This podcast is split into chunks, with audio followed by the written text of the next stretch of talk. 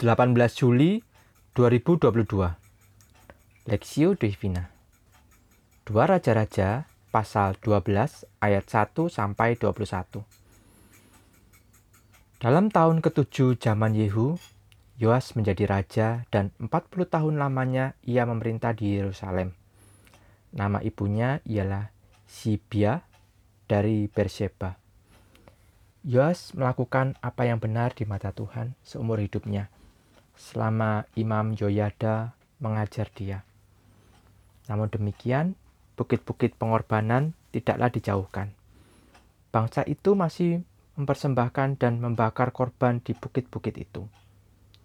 Berkatalah Yoas kepada para imam,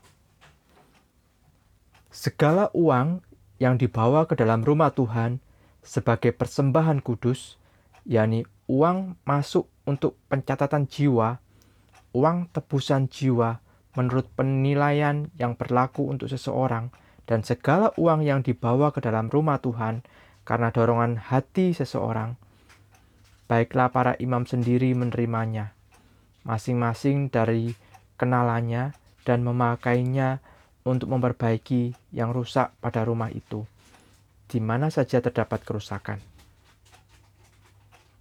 Tetapi dalam tahun ke-23 zaman Raja Yoas, para imam belum juga memperbaiki kerusakan rumah itu.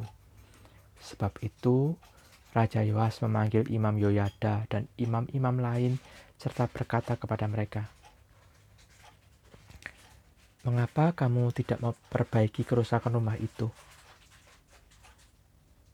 Maka, sekarang tidak boleh lagi kamu menerima uang dari kenalan-kenalanmu, tetapi serahkanlah itu untuk memperbaiki kerusakan rumah itu. Lalu setujulah para imam itu untuk tidak menerima uang dari rakyat. Tapi mereka pun tidak usah lagi memperbaiki kerusakan rumah itu. Kemudian Imam Yoyada mengambil sebuah peti, membuat lubang pada tutupnya dan menaruhnya di samping mesbah. Di sebelah kanan apabila orang masuk ke rumah Tuhan, para imam penjaga pintu menaruh ke dalamnya segala uang yang dibawa orang ke dalam rumah Tuhan. Dan apabila dilihat mereka bahwa sudah banyak uang dalam peti itu, maka datanglah panitera raja beserta imam besar lalu membungkus dan menghitung uang yang terdapat dalam rumah Tuhan itu. Mereka menyerahkan jumlah uang yang ditentukan ke tangan para pekerja yang diangkat mengawasi rumah Tuhan. Dan mereka ini membayarkannya kepada tukang-tukang kayu, kepada tukang-tukang bangunan yang mengerjakan rumah Tuhan itu. Kemudian tukang-tukang tembok dan kepada kepada tukang-tukang tembok dan kepada tukang-tukang pemahat batu. Mereka memakainya juga bagi pembelian kayu dan batu pahat untuk memperbaiki rumah Tuhan, dan bagi segala pengeluaran untuk memperbaiki rumah itu. Tetapi untuk rumah Tuhan tidaklah dibuat pasu perak, pisau, bakar penyiraman, nafiri, atau sesuatu perkakas emas dan perak dari uang yang telah dibawa ke dalam rumah Tuhan itu melainkan mereka menyerahkannya kepada para pekerja supaya dipakai memperbaiki rumah Tuhan. Mereka kemudian tidak mengadakan perhitungan dengan orang-orang yang diserai uang itu untuk memperbaikinya kepada tukang-tukang, sebab mereka bekerja dengan jujur. Tetapi uang korban penebus salah dan uang korban penghapus dosa tidaklah dibawa ke dalam rumah Tuhan. Semuanya itu bagi para imam. Pada waktu itu, majulah Hasael, Raja Aram, diperanginya lah Gad dan direbutnya. Kemudian Hasael berniat menyerang Yerusalem. Tetapi Yoas, Raja Yehuda, mengambil segala persembahan kudus yang telah dikuduskan oleh para leluhurnya, yakni Yosafat, Yoram, dan Ahasia, raja-raja Yehuda, dan persembahan-persembahan kudusnya sendiri, juga segala emas yang terdapat dalam perbendaraan rumah Tuhan dan istana raja. Dikirimnyalah semuanya itu kepada Hasael, Raja Aram. Maka tidak jadi lagi Hasael menyerang Yerusalem. Selebihnya, dari riwayat Yoas dan segala yang dilakukannya, bukankah semuanya itu tertulis dalam kitab sejarah Raja-Raja Yehuda? Pegawai-pegawainya bangkit mengadakan persepak persepakatan lalu membunuh Yoas di rumah Milu yang letaknya di penurunan ke Sila. Yosakar anak Simeat dan Yosabat anak Somer ialah pegawai-pegawainya yang membunuh dia. Lalu ia dikuburkan di samping nenek moyangnya di kota Daud. Maka Amasya anaknya menjadi raja menggantikan dia. Yoas menjadi raja. Yoas melakukan apa yang benar di mata Tuhan seumur hidupnya selama Imam Yoyada mengajar dia. Dua Raja-Raja pasal 12 ayat 2 peribahasa seperti bangau di ekor kerbau, artinya orang yang tidak punya pendirian. Ia hanya mengikuti apa yang dilakukan atau dikatakan orang kepadanya. Itulah gambaran Yoas.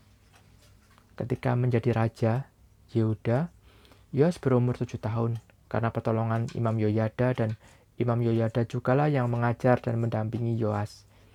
Selama didampingi Imam Yoyada, Yoas melakukan apa yang benar di mata Tuhan.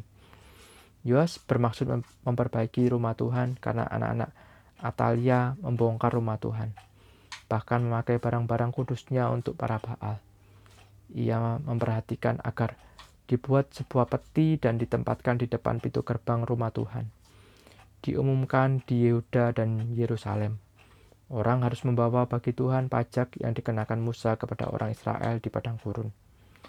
Maka bersukacitalah seluruh pemimpin dan rakyat. Mereka membawa pajak dan memasukkannya ke dalam peti hingga penuh. Uang yang terkumpul diatur sehingga perbaikan rumah Tuhan dikerjakan dan dikokohkan. Sisa uang digunakan untuk membuat perkakas-perkakas rumah Tuhan. Selama Yoyada, selama Yoyada hidup, korban bakaran tetap dipersembahkan dalam rumah Tuhan. Namun sayangnya, setelah Yoyada mati, pemimpin-pemimpin Yehuda datang menyembah raja. Sejak waktu itu, Yoas mendengarkan dan menuruti mereka. Yoas meninggalkan rumah Tuhan dan beribadah kepada tiang-tiang dan patung-patung berhala. Bahkan ketika Zakaria, anak Imam Yoyada, dipakai Tuhan untuk menegur Yoas, malah membunuhnya. Dua Tawarik, pasal 24. Saat Hasael, Raja Aram, berniat menyerang Yerusalem, Yoas memakai persembahan kudus juga segala emas di perbendaraan rumah Tuhan dan istana raja untuk menyuap Hasael sehingga ia tidak jadi menyerang Yerusalem. Hal baik dan benar yang dilakukan Yoas ternyata belum keluar dari hati yang sungguh mengasihi Tuhan. Yoas begitu mudah berubah karena orang yang ada di dekatnya yang memberi pengaruh. Mari kita introspeksi diri apa dasar kita melakukan yang baik dan benar? Karena sungguh-sungguh mengasihi Tuhan, hidup menaati Tuhan. Jika iya, kita tidak mudah goyah. Studi pribadi, sejauh mana orang berpengaruh dalam hidup Anda? Bagaimana cara Anda menyaring pengaruh itu? apa hambatannya sehingga Anda terpengaruh dan yang tidak baik.